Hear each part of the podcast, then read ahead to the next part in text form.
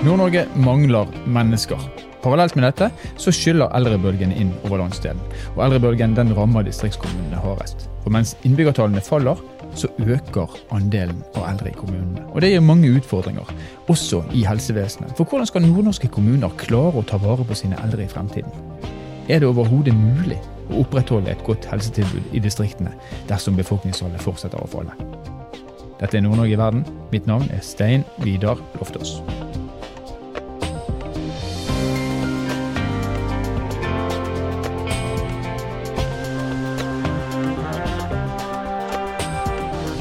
Vi blir altså færre, og vi blir eldre. Og For å forstå hva konsekvenser det her kan ha for helsesektoren, så har vi nå fått med oss avdelingsleder for personlig e-helse ved Nasjonalt senter for e-helseforskning, Siri Bjørvig. Og velkommen til oss, Siri. Tusen takk.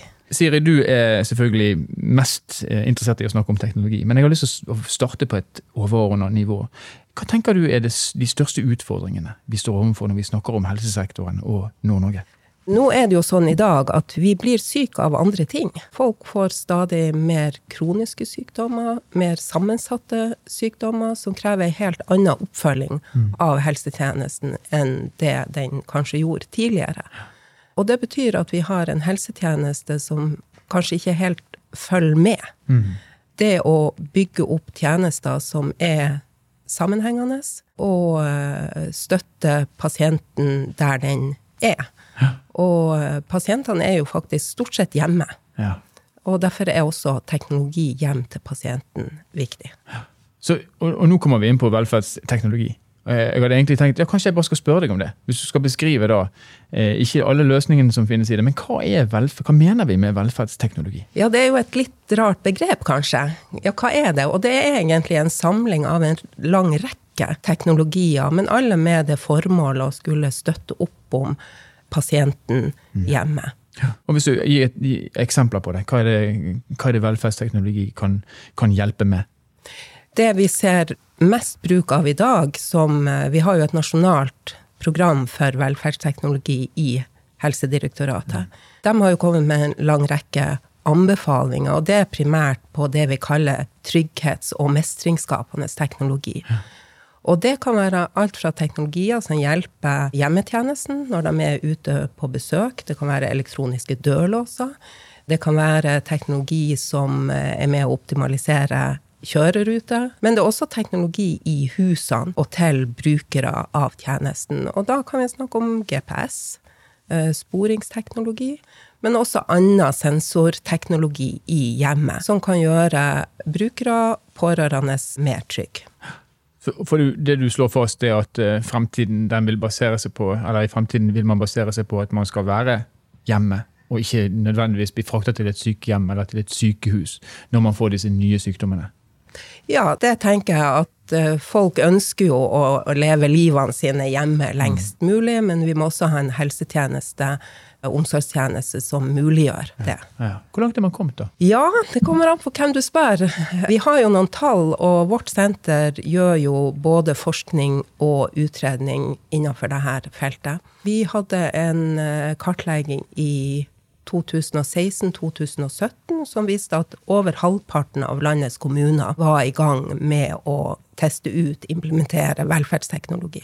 Hvis vi skal plassere det her i økonomisk, en økonomisk kontekst, som jeg selvfølgelig alltid er interessert i å gjøre Hvis man lykkes med den velferdsteknologien, altså For teknologien har man jo langt på vei allerede. Hvis man lykkes med å implementere den, går det an å anslå noe om hva AS Norge kan spare på, på det? da? Vet vi det? Ja, jeg skulle ønske vi kunne det. Vi har nok ikke gode nok eh, tall på det. Og det er det selvsagt viktig å eh, vite noe om. Mm. Så én ting er hva man kan spare, og det er et eh, mål også for det nasjonale velferdsteknologiprogrammet å få vite mer om. Mm. Men det handler jo også om klarer man å øke kvaliteten på tjenesten? Klarer man å spare tid? Man kan se gevinster i mange former. Det er noe vi jobber med, og som man også etter hvert som teknologi testes ut og spres i større skala enn det det gjør, så vil man få bedre tall også på, ja. på det, og kan si noe mer konkret. Men man er helt sikker på at uh, der er store gevinster? Potensialet for gevinster er, stort. Men tilbake til, til de løsningene som finnes. Du, du, nevner GPS og du nevner optimalisering av kjøreruter. Og så vet vi at vi i årtier har hatt, har hatt eh, trygghetsalarm. Man hører om fallsensorer, man hører om eh, sensorer som måler om sengen er blitt våt osv. Er det noen av disse teknologiene man kan si at det her har vi klart å implementere og det har gitt gode resultater, eller er vi helt på teststadiet endog? Det er mange kommuner som har testa det her ut. Mange tar et skritt tilbake også, fordi at de ser at det her må inn i en større sammenheng. Når vi får alle de her sensorene som eh, sender varslinger ved uønska hendelser, eller når det skjer noe, så må man jo også ha et system som tar imot det. Ja. Eh, sånn at man er sikker på at alarmen når frem. Ja. Sånn at det også bygger opp gode arbeidsprosesser rundt det her blir kjempeviktig. Man må passe inn i forhold til hvordan man jobber i dag, eller man må snu litt om og kanskje jobbe på en, en annen måte, sånn at man ikke bare setter strøm på papiret. Ja. Og så nevner du eh, nesten konsekvent kommunene. Eh, for kommunene vil i mange tilfeller ligge som et, et mellomlag mellom dere som driver med teknologien, og brukeren, da, eller pasienten i andre enden. Eh, er, er kommunen? Er det en flaskehals i dette? Altså, for når jeg sier at vi har hørt om det lenge, men det har på en måte ikke blitt ordentlig ordentlig, ordentlig tatt i bruk ennå, så, så, lurer jeg på hvorfor. Altså, nå er det jo sånn at vi er 350 kommuner Et, i, reformen, ja. mm. i, i, Norge. Og halvparten av de har under 5000 innbyggere. Ja. Det betyr at både kompetansen og tilgjengelige ressurser ute i kommunene er begrensa. Og kommunene skal jo først og fremst levere gode tjenester mm. til sine innbyggere. De har begrensa ressurser, budsjetter, og det betyr at det å innovere og det å gjøre ting på en ny måte, det kan være krevende i en overgangsfase. Mm. Altså det blir et sånn spenningsfelt mellom det å gjøre lovpålagte oppgaver og det å skulle innovere og skulle gjøre noe på en ny måte. Kan jeg spørre deg, Er det noen kommuner som er kommet riktig langt med dette? Det er nok de største kommunene i Norge som er kommet lengst. Her i nord har vi jo et langt samarbeid med Tromsø kommune, ja. Bodø, Alta. Det er kommuner som alle jobber godt med de her, eh, her tingene. Kan du si ett område eller en type teknologi innenfor velferdsteknologi som dere har store forventninger til? At det skal løse problemer både i økonomisk kontekst og i, i velferdsmessig kontekst. Hva, hva, blir det da? Hva er det du har størst håp knytta til? Det er mange ting som er viktig når det gjelder teknologi, og mange områder som det er et stort potensial. Men hvis jeg skal trekke fram én ting, så tenker jeg det at vi, vi, samler ganske mye data om oss sjøl. Mm. Uh, og det har også et stort potensial i forhold til helseformål.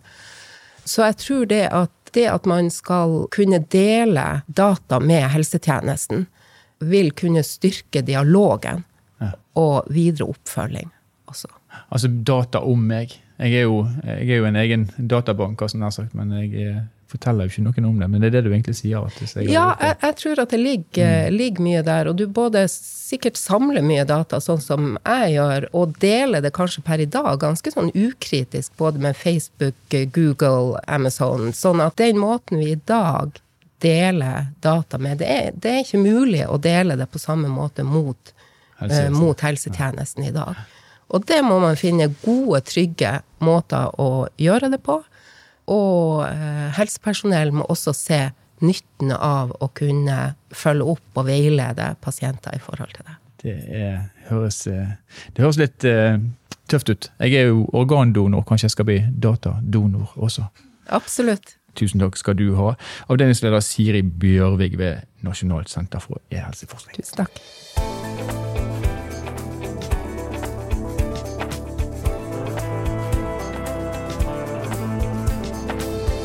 Vi hørte Siri Bjørvig eh, kanskje ikke direkte si at eh, kommunene var eh, en begrensende eller en flaskehals, men det lå kanskje litt mellom linjene at man har mer teknologi enn man klarer å ta i bruk, man klarer å implementere. Og Hvis vi holder fast ved stikkordet samarbeid Nå har vi med oss på telefonen fra Trondheim for anledningen samhandlingssjef ved Universitetssykehuset i Nord-Norge, Magne Nikolaisen. Og velkommen til oss, Magne. Takk skal du ha. Du, du har pekt på økningen i antall eldre og kronisk syke, i kombinasjon med et rekrutteringsproblem av helsepersonell, som den største utfordringen Norge står overfor. Hva mener du med det? Nei, Vi står jo overfor en eh, radikal endring i befolkningssammensetninga. Eh, det har vært eh, snakk om den såkalte eldrebølga i lang tid, uten at man egentlig tror jeg har skjønt alvoret i den. Men eh, nå tar det av. og eh, Kombinasjonen av at vi blir veldig mange flere eldre, og flere eldre eldre, og at det blir færre unge, og spesielt i Nord-Norge så fødes det jo faktisk færre barn enn i landsgjennomsnittet, så gjør den endringa i befolkningssammensetninga at vi må tenke helt nytt hvordan vi løser oppgavene. Eh, alle oppgavene, men spesielt innenfor helse- og omsorgssektoren. Og hva, hva tenker du med helt nytt? Hvordan, hvordan, ville du gjort det hvis du hadde fått bestemt alt alene? Ja, Det er jo et uh, kjernespørsmål, men uh, det er jo det ingen har det hele og fulle svaret på. Det som uh, det er enighet om, er at vi kan ikke møte fremtida med å gjøre ting på samme måte som vi gjør det i dag. og jeg tror også mm, Innenfor helse- og omsorgssektoren så er det jo en kombinasjon av det å sette inn tiltak tidligere. Eh, det å hindre at folk blir så dårlige at de trenger å komme på sykehus. Altså det å være mer proaktiv med å forebygge eh, sykdomsutvikling er eh, en viktig nøkkel. Og så tror jeg nok det å bruke teknologi av ulike arter for å, å løse tjenester på en annen måte, også tvinge seg frem som helt nødvendig. Og Det trenger ikke å være sånn eh, high-tech-teknologi, men det er rett og slett å ta i bruk allerede kjent teknologi som i mange sammenhenger er hyllevare. Ja, For det gjør man ikke?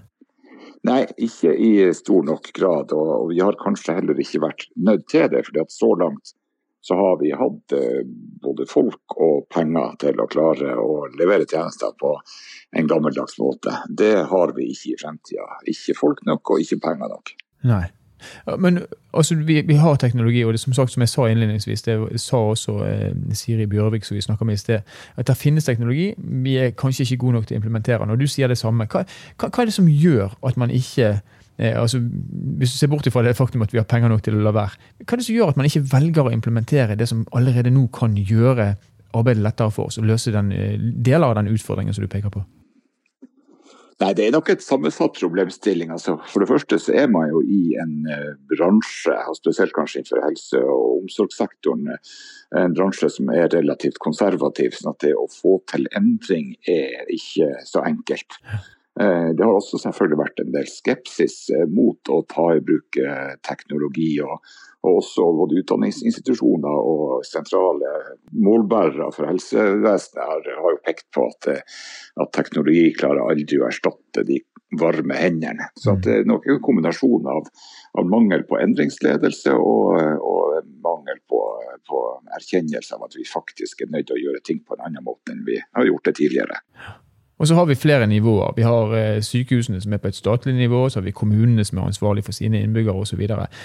Du har tidligere beskrevet i en artikkel som eh, ja, jeg leste, det var kanskje to, to år siden, du beskrev samarbeidsklimaet mellom UNN og kommunene som, eh, ja, som svært krevende. Hva, hva, hva, tenkte du på da? Det vi ser jo det at når krybba er tung, så bites hestene, som det heter. Og når, når kapasitetsutfordringen blir stor, både på sykehuset og, på, og i, i kommunehelsetjenesten. Og I tillegg så har vi en fastlegeordning som er meget sentral i den norske helsemodellen, som også er litt under press. Når alle disse måte, nivåene av helsetjenestene eh, sliter med å klare å holde nivået på kapasiteten og, og, tilbudet oppe, så ser vi at samhandlingsklimaet ofte blir litt vanskeligere.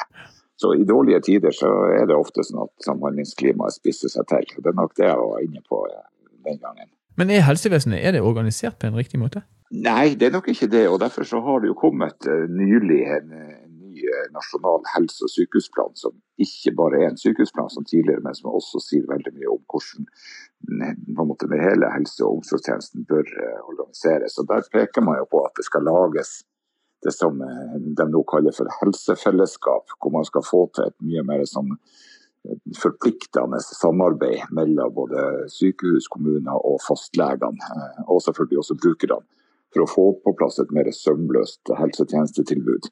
Og Der snakker man jo også veldig mye om sykehus i hjemmet. Mm. Og Det handler jo også om den teknologiske utviklinga. I fremtida så må ikke folk som trenger sykehusbehandling nødvendigvis flytte seg fra hjemmet hvor enn det måtte være, og til sykehuset. Vi må legge til rette for at sykehuset kan etablere seg i hjemmet hos den enkelte pasienten.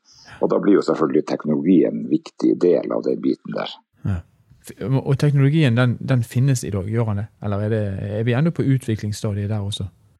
Nei, Det er nok både og. Mye av teknologien finnes, men det er nok mye også som må utvikles. Og så har det jo vært en erkjennelse av at eh, både si, jussen og lovgivninga, og ikke minst finansieringsordningen, ikke har bygd opp under den utviklinga man, man, har ønska. Og Det sier også regjeringa nå, at eh, de skal i langt større grad nå legge opp til at både finansiering av helsetjenester og, og, og det juridiske spiller på lag med den teknologiske utviklinga.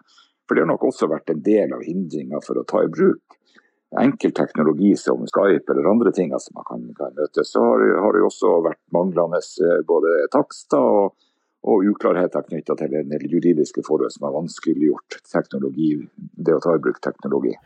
Så vi lager, vi lager regler som egentlig gjør det vanskelig for det vi eh, egentlig ønsker å oppnå, rett og slett? Ja. ja. Men, eh, men, nå har jo regjeringa i den nasjonale helse- og sykehusplanen vært veldig tydelig og peker på at, at, eh, det er dem som lager lovene og reglene, og de vil endre dem hvis man ser at det er til hindring for å få den utviklinga vi vil. Men Hvis du ser på teknologien isolert sett, fordi at eh, de som er kan du si, behandlere hos pasientene som er hjemme. I mange tilfeller er det hjemmesykepleien eller eh, hjelpepleiere. I mange tilfeller også ufaglærte mennesker som er, som er rundt og, og, og, og, hjelper.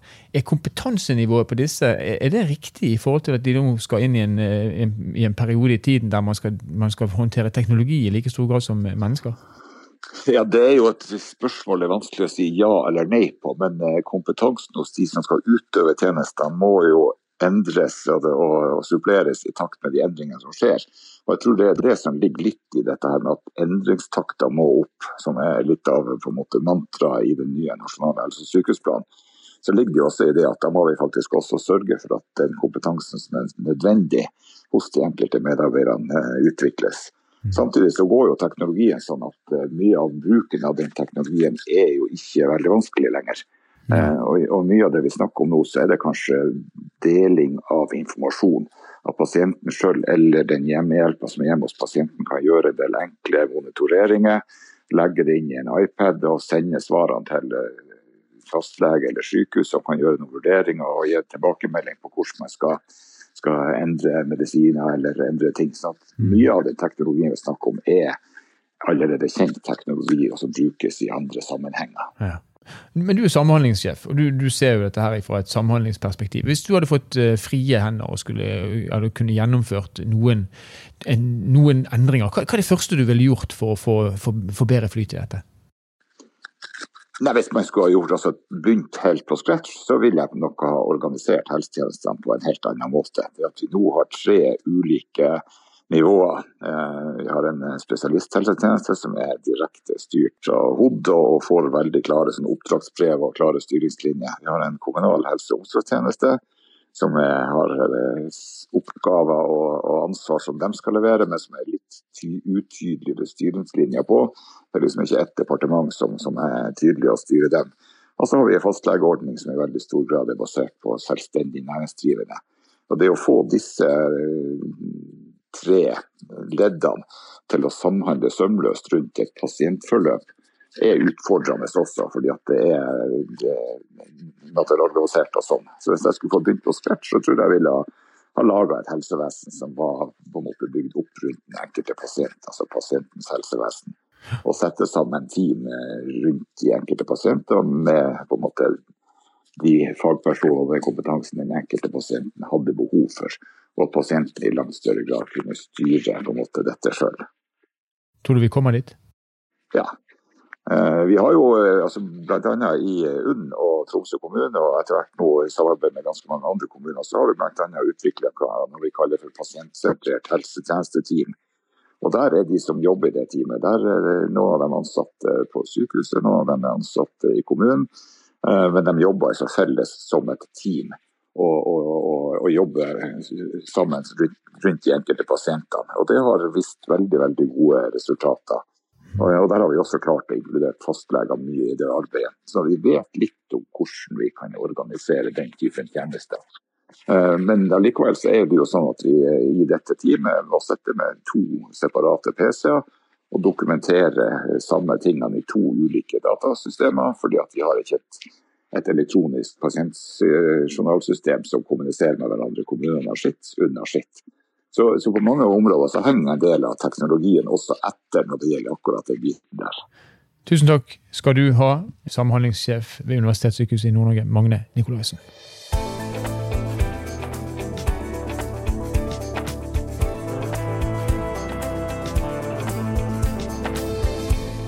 Utfordringene knytta til endringene de finner vi igjen i, eller endringer generelt sett finner vi igjen i bortimot alle bedrifter og institusjoner. Og så kan man alltid spørre hvorfor er det så vanskelig å endre seg, hvorfor endrer vi oss ikke bare når det er behov for det? Forsker Ingebjørg Westrum ved Nord universitet hun er i gang med å kartlegge hovedutfordringene knytta til endring innenfor helsesektoren i Nord-Norge. Og velkommen til oss, Ingebjørg. Jo, takk for det. Du holder på med denne kartleggingen, og vi vet at du er ganske tidlig i prosjektet. Men hva er det som peker seg ut som de, si, de viktigste hindringene for å få til endringer innenfor helsesektoren, sånn som du ser det? En ting er jo, Det er jo store konsekvenser som kan skje hvis ting blir feil. da. Ja. Så Det er jo en grunn til at de kanskje kvier seg for uh, å endre seg. Og En annen ting er jo tida. At de har jo travel dag. Hvordan skal de få tid til å lære det her og bruke det her? Men det er et interessant eh, perspektiv, for du sier at altså, på den ene siden så er man redd for feil, og det kan man selvfølgelig forstå. Man stoler på seg sjøl, man er kanskje ikke mm. i stand til å stole på teknologi. Men det å ha for dårlig tid til å sette seg inn i noe som mm. til syvende og sist skal gi deg bedre tid, ikke det liksom, det blir liksom som å skyve på det firkanta hjulet fordi du ikke har tid til å ta i bruk det runde hjulet? Kan jeg si det. Så det å få ha den forståelsen da, akkurat det at det her vil bidra til noe positivt framover. Så det de ser, det er jo veldig ulikt innenfor ulike avdelinger i kommunen, hvor mye avdelingslederne forstår den sammenhengen. da, ja. på at Her må vi faktisk sette av tid til å ha opplæring av ansatte for å spart i framtida. Klarer du å se i det, du, eh, det, arbeidet du har gjort, klarer du å se at det finnes kommuner eller institusjoner som, eh, som, er, bet, altså som er, betydelig flinkere på denne formen for omstilling eh, enn andre?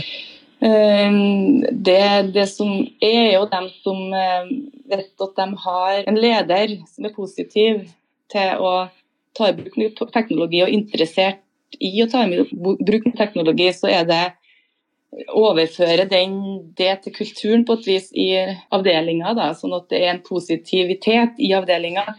Eh, og det er jo det at de greier, de som skal sette i gang med her, greier å finne ut hvor er det lurt å starte i kommunen for å lykkes tidlig. For det å lykkes tidlig da, i prosessen vil bli enklere for å spre det videre i kommunen. Tenker du at helsepersonell, altså tradisjonelle sykepleiere og hjemmepleiere, er, er de mindre omstillingsdyktige i forhold til dette enn andre yrkes, yrkesgrupper? Jeg tror ikke det. Jeg tror ikke det. Men det er jo, jeg tenker de har jo en risiko i forhold til pasientene. Og, så det er forståelig. Og det er jo også det med de har jo en nettbrett, så når de går inn på et rom på sykehjemmet med et nettbrett, så mister du òg kontakten med pasienten der. Så det har jo den dimensjonen at mm. uh, de har jo en kunnskap som gjør at de kanskje er skeptiske til å ta i bruk det her. Ingebjørg Westrøm der altså, forsker ved Nord universitet i Bodø.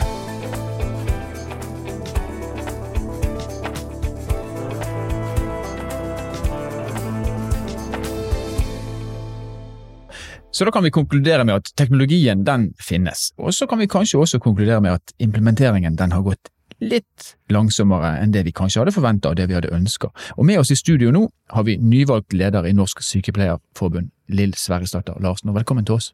Tusen takk. Tusen takk for invitasjonen. Sykepleiere og helsearbeidere, som du da på sett og vis representerer, vil du si at de er flinke nok til å omstille seg? Jeg vil absolutt si at eh, altså Det er jo et veldig ledende spørsmål, det syns jeg. Jeg vil absolutt si at sykepleiere og helsepersonell er flinke til å omstille seg. Det er noe med at eh, det vi jobber med, er aldri um, statisk. Altså Sykdom er jo ikke statisk. det er jo en omstilling, altså Omstilling betyr jo bare en, en, endring, noe som endrer seg. Noe som er mm. ustabilt. Og det er akkurat det sykdom, og dermed helsetjenestene i seg sjøl, er. Um, og så er det noe sånn at akkurat det med sykepleie i seg sjøl er jo statisk. Vi gjør akkurat det samme. Vi har gjort akkurat det samme i uh, 150 år. Mm. Men konteksten, situasjonene rundt sykepleie, har endra seg. Og særlig de her senere år, med tanke på, på teknologien som, som, du er inne på her, forskninga, som gjør at vi både lever lengre og ergo får mer eh, komplekse samtidighetsbehov også.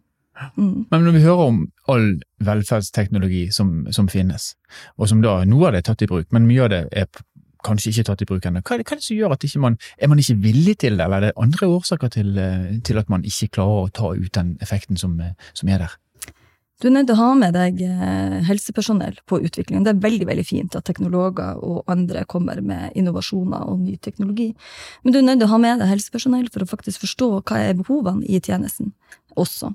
Sånn at, eh, og særlig eh, sykepleiere, altså sykepleiere og helsefagarbeidere som er på det grunnplanet, de som er nærmest pasienten, største yrkesgruppen, altså det fleste personell av alle, og de er likevel ikke med i de eh, strategiske beslutningsprosessene som gjøres. Eh, sånn at når teknologi blir innført, så er det da gjerne ut ifra noen behov som andre beskriver, ikke sykepleiere, ikke helsefagarbeidere. Og når det da kommer ned, så tenderer personellet til å jobbe rundt systemene som kommer rundt den nye teknologien, og ikke med dem. Og det kan til og med skape mer arbeidskrevende eh, prosesser, og at de i tillegg må dokumentere at det er benytta, selv om de ikke fungerer i den bruken som, eh, som, som vi forventer. Men har vi utvikla feil teknologi? Ikke nødvendigvis feil teknologi, men, men den er ikke utvikla til bruk i de tjenestene som, eh, og de arbeidsoppgavene som vi har. Mm. Men nå har du erfaring fra både sykehus, fra hjemmesykepleien, du har erfaring fra forskningssiden på universitetet. Eh, kan du gi oss noen eksempler på mislykka implementering av teknologi? Kan i fall gi noen eksempler på, eh, på, hvordan det burde fungere, og som burde være altså, ordentlig lavthengende eh, frukt. Igjen, hvis du ser for deg en eh, sykehusgang, altså på et sykehus, du har mange pasientrom, og du har lange, lange ganger. Og der ligger det pasienter som er nødt å enda i dag, i 2020, så er nødt til å trekke i snor for å kunne gi beskjed om at de trenger hjelp til et eller annet, uansett hva det er for noe. Og det er sykepleieren som da er opptatt med veldig mange andre pasienter og medikamenter og andre organiseringsoppgaver, er nødt til å gå hele den lange, lange lange gangen bortover inn til pasienten for å spørre hva behovet er. Og så er det kanskje bare noe helt helt enkelt som at de trenger et glass vann eller trenger en ny pute eller et eller annet. Da må du gå hele den lange veien tilbake igjen for å utføre den oppgaven tilbake. Det kunne gjort veldig veldig enkelt hvis hver og en pasient hadde hatt en eh, Padlet eller en iPad av noe slag, som du da kan trykke inn på en ren bestilling. For en del av de arbeidsoppgavene som vi gjør, er en en, type bestilling. Um, og så er det selvfølgelig andre ting som du er nødt til å kunne reagere akutt på også, som, eh, som det er greit å ha i snor, noe enkelt å kunne gi signaler på. Men det her er jo, det høres jo utrolig logisk ut. Hvorfor har man ikke, hvorfor har man ikke starta med å spare tid på å innføre denne typen eh, teknologi? Jeg tenker det for at sykepleiere er igjen den nærmeste pasienten. Det er kanskje veldig lavthengende frukt. Det er ikke den yrkesgruppa som er med i de strategiske beslutningsprosessene. Ergo så kommer det ikke frem de behovene som, eh, som både pasient, pårørende og dermed dem som er nærmest eh, helsetjenestene, så der, der, vi utøver tjenestene, der det faktisk ville fungere og virke. Vi trenger flere sykepleiere i strategiske beslutningsprosesser. Vi hører jo mest om at vi trenger flere sykepleiere fordi at de bringer varme hender til, eh, til de som har behov for det, men du, du vil snu på det? Du har sikkert hørt at jeg er ikke veldig glad i det varme hender-begrepet. Og det er ikke det at varme hender, altså sykepleiere, det er en del, omsorgen er en del av vår, vår uh, fagkunnskap, uh, absolutt. Men varme hender er med på å usynliggjøre fagkompetansen. Mm. Alle har varme hender.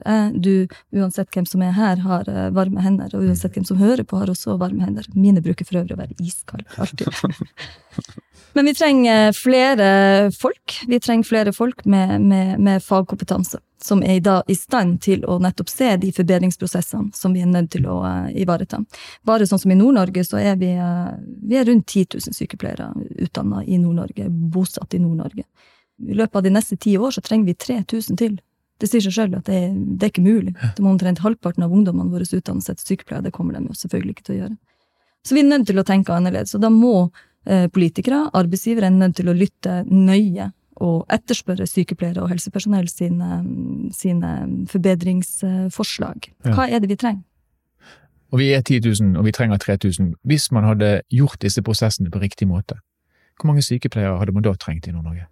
faktisk her og nå i dag så ville du hatt evig altså du ville ikke, Kanskje evig nok var kanskje drøyt, men, men du ville hatt eh, nok sykepleiere hvis faktisk arbeidsgivere hadde gitt sykepleiere heltidsstillinger, ikke utlyst 50 %-stillinger.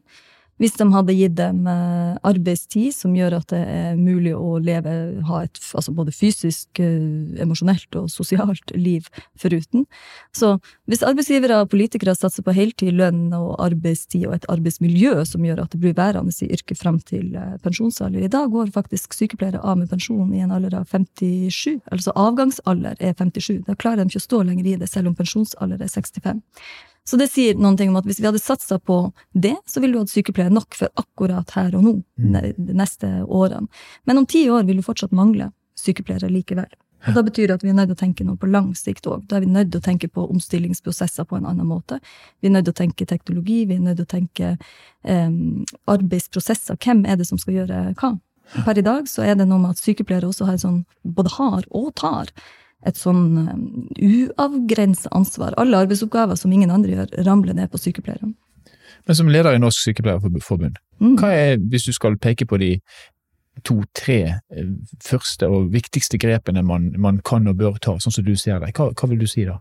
Her og nå heltid, lønn, arbeidstid og arbeidsmiljø. På lengre sikt så er det det med at vi er nødt til å jobbe med logistikkoperasjonene. Vi er nødt til å gjøre analyser av sykepleierne sin arbeidsoppgaver, sånn at sykepleierne faktisk gjør sykepleie, ikke renhold, ikke portørtjenester, ikke Jeg vet ikke om dere så det, Tegnehanne, hun er sykepleier for øvrig, og hadde en, hun hadde en tegneserie som gikk på alle arbeidsoppgaver som sykepleiere har, og blant annet parkeringsvakt også.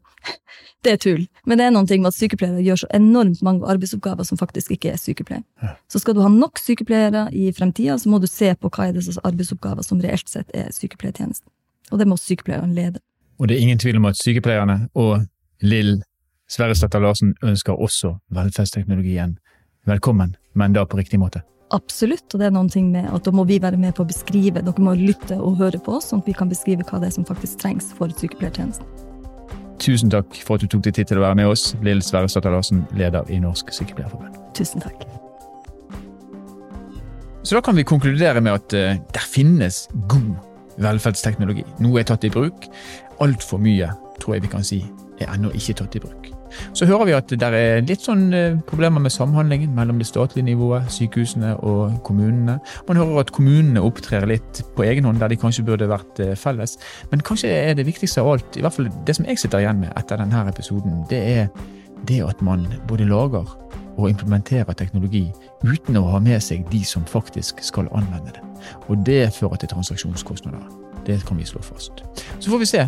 Helsevesenet preges av mange ting, men de preges òg av kontinuerlig og konstant pengemangel. Både på statlig nivå og på kommunalt nivå. Og ingenting er vel viktigere for å drive gjennom endringer enn det å være helt nødt til å gjøre det. I denne episoden av Nord-Norge i verden har du møtt Siri Bjørvik, som er avdelingsleder eh, for personlig e-helse ved Nasjonalt senter for e-helseforskning. Du har møtt Magne Nikolaisen, som er samhandlingssjef ved Universitetssykehuset i Nord-Norge. Vi har møtt Ingebjørg Vestrum, som er forsker ved Nord universitet. Og helt til slutt Lill Sverresdatter Larsen, som er nyvalgt leder av Norsk Sykepleierforbund.